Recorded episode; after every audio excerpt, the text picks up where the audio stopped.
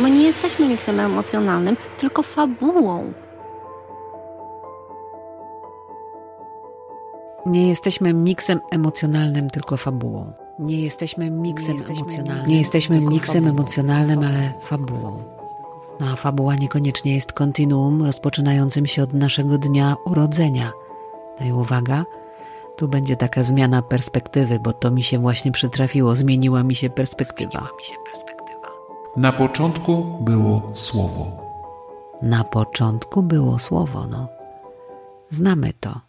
W zasadzie w niektórych tłumaczeniach na początku był dźwięk.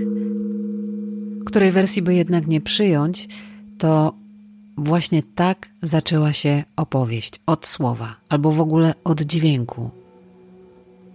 Bo dźwięk niesie słowo.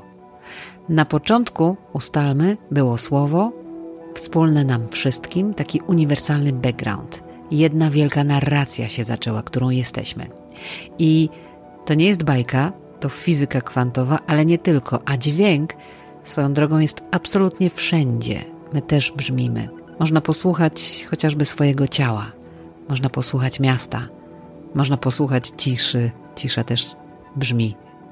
No ale jeszcze jeden obraz teraz można sobie wyobrazić.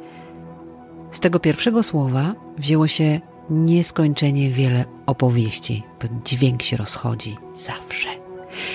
I te opowieści były budowane przez istoty zamieszkujące Ziemię, tę planetę. Każdy człowiek ma swoją opowieść. I jeżeli jest w miarę świadomy, to wie, że to jest jego opowieść i że on ją pisze, on ją opowiada jakoś poprzez swoje życie. Niekoniecznie tu trzeba gadać. Trzeba być tu, być tam, robić to, robić tamto, być w relacjach z innymi, z rzeczami, ze światem. Istnieje jeszcze znany każdemu taki wewnętrzny głos, i jesteśmy z tym głosem bardzo często w takim dialogu, mniej albo bardziej oczywistym i mniej albo bardziej otwartym.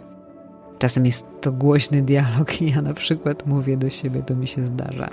Ale to nie jest wcale tajemnica, nie jest to świrowanie ani ezoteryka, to psychologia jest, a takie mówienie do siebie też mi konkretnie pozwala się skupić lepiej. Jak czegoś szukam, to do siebie gadam na przykład, ale nie tylko.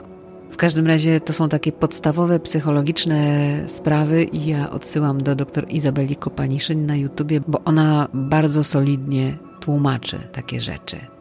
No a teraz pora na podsumowanie tej zmiany perspektywy. Otóż każdy z nas jest opowiadaczem, ale jakimi jesteśmy opowiadaczami, a jakimi możemy się stać? Bez ściśniętych gardeł rozmawiamy z Edytą Ślączką Poskropko, opowiadaczką o sprawach dla życia kluczowych. No a Co robi nam wyobraźnia otwiera w czasie opowiadania? Czy my bazujemy na wyobraźni raczej, czy na logice? O rany, i na tym, i na tym. Każdym razie na pewno na wyobraźni bazujemy, tworzymy sobie obrazy, na pewno bazujemy na logice, no bo tak jak mówię, nie może być nielogicznie, co, nie wiem czy mogę powiedzieć, pokazał ostatnio Wiedźmin, który, jak pan Bagiński powiedział w e, rozmowie z Karolem Paciorkiem, że dzisiaj to tylko czysty miks emocjonalny i co się okazało? Ta młodzież z TikToka poczuła się obrażona. Grę o Tron oglądali wszyscy z zapartym tchem, a Wiedźmina nie chcą, bo czysty miks emocjonalny nie sprzedaje się, nie da się, bo my nie jesteśmy miksem emocjonalnym, tylko fabułą. Jesteś fabułą? I ja jestem fabułą. Polityka to taka skopana trochę fabuła, ale fabuła. To widać nawet w zbiorowej narracji, takiej grupowej. Patrzysz przez okno. Jeżeli nawet gołąb przeleci i nic więcej się nie wydarzy, to jest to jak film. Każda postać, każdy kształt wprowadza narrację do obrazu. Więc jesteśmy narratorami na przykład swojego rodzinnego życia. W ogóle to jest fascynujące. Przyglądanie się wszystkiemu, wszystkiemu, wszystkiemu, wszystkiemu z perspektywy opowiadającego swoje życie, opowiadającego swój świat, opowiadacza swojego życia. Kogoś, kto snuje swój świat Sztuka opowiadania to jest e, także pewna świadomość zarządzania głosem, a to jest też nasza natura, brzmienie naszego głosu, sposób w jaki mówimy, jak do tego podejść.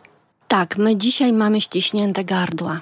Bardzo często. Bardzo często przez stres, przez bieg, pośpiech, W związku z tym ważne jest, jeżeli chcemy wyjść y, i opowiadać, y, nauczyć się gardło rozluźniać, ze względu na to, żeby sobie krzywdy po prostu nie zrobić. To zupełnie tak jak osoby, które śpiewają, też muszą sobie poćwiczyć to gardło. To nie jest tak, że ktoś wychodzi na scenę i sobie śpiewa i już.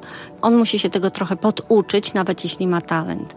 Tą odwagę też sobie wzbudzić, bo ona też łatwiej pomaga wydobyć głos. My wiemy, że bardzo chcemy coś komuś opowiedzieć. To myślę jest też kluczowe.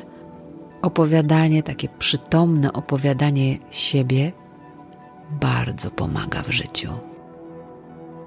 Realnie. Skąd się wzięła wśród nas ludzi sztuka opowiadania? Co było pierwsze? Opowiadacz czy historia? Piękne, piękne. Co było pierwsze, kura czy jajo, tak? No oczywiście nie wiemy. Wiemy tylko, że musiała się narodzić bardzo, bardzo dawno, bo jeżeli w e, bardzo pradawnej epoce znaleziono ślady zagojonych blizn po trepanacji czaszki, to tam musiała być już rozwinięta kultura a kultura to są opowieści, to są baśnie ludowe, które dzisiaj nazywamy ludowymi. Nie wiem, czy są ludzie, którzy wiedzą, że baśń niosła informacje. To była właściwie książka. I do dziś takich baśni się zachowało mało, ale ja właśnie sobie je, ich szukam. I są baśnie, które są tak zwane instruktażowe, to znaczy ja tak nazwałam. One krok po kroku mówią, co trzeba zrobić. I dlaczego? Bo my na opowieści lepiej zapamiętujemy, bo nam się hormony różne tam uaktywniają. A skoro to jest aż hormonalne, no to musiało wykształcić się tak dawno, jak po prostu człowiek.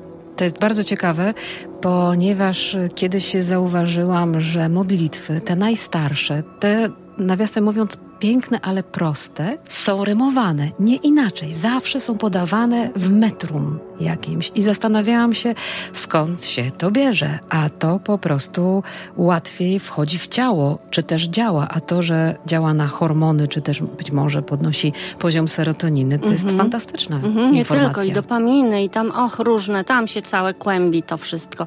Tak, bo oczywiście modlitwa też jest pewną opowieścią. Te rymowane weszły później, już jak kultura tam się bardziej rozwinęła, byli bardowie i oni zaczynali, ale też rymy faktycznie y, zaczęły nam wchodzić łatwiej do głowy, bo przyroda jest rytmiczna.